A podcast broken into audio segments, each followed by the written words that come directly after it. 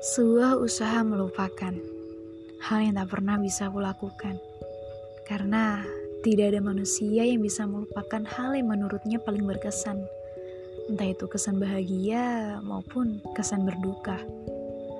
Dan karena itulah, aku memilih untuk mengikhlaskan dan merelakanmu. Namun, sekarang keadaannya berbeda. Mengikhlaskan dan merelakanmu bukan lagi menjadi sebuah pilihan, melainkan sebuah keharusan. Aku tak mungkin tetap memaksamu untuk tinggal. Aku tak mungkin memaksamu menjadikanku tempat pulang. Mungkin kembalinya kita menjadi asing adalah hal yang lebih baik ketimbang tetap bersama, tapi kau tak pernah anggap aku ada.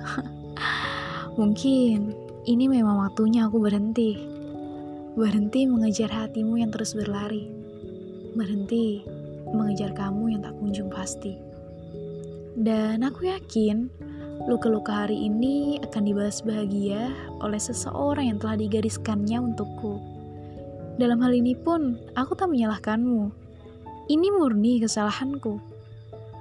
Aku yang salah, terlalu mudah membuka hati untuk seseorang yang tak menepati janji. Hmm, terima kasih ya kenangannya. Terima kasih sudah pernah membuat bahagia. Dan terima kasih sudah meninggalkanku tanpa alasan apa-apa.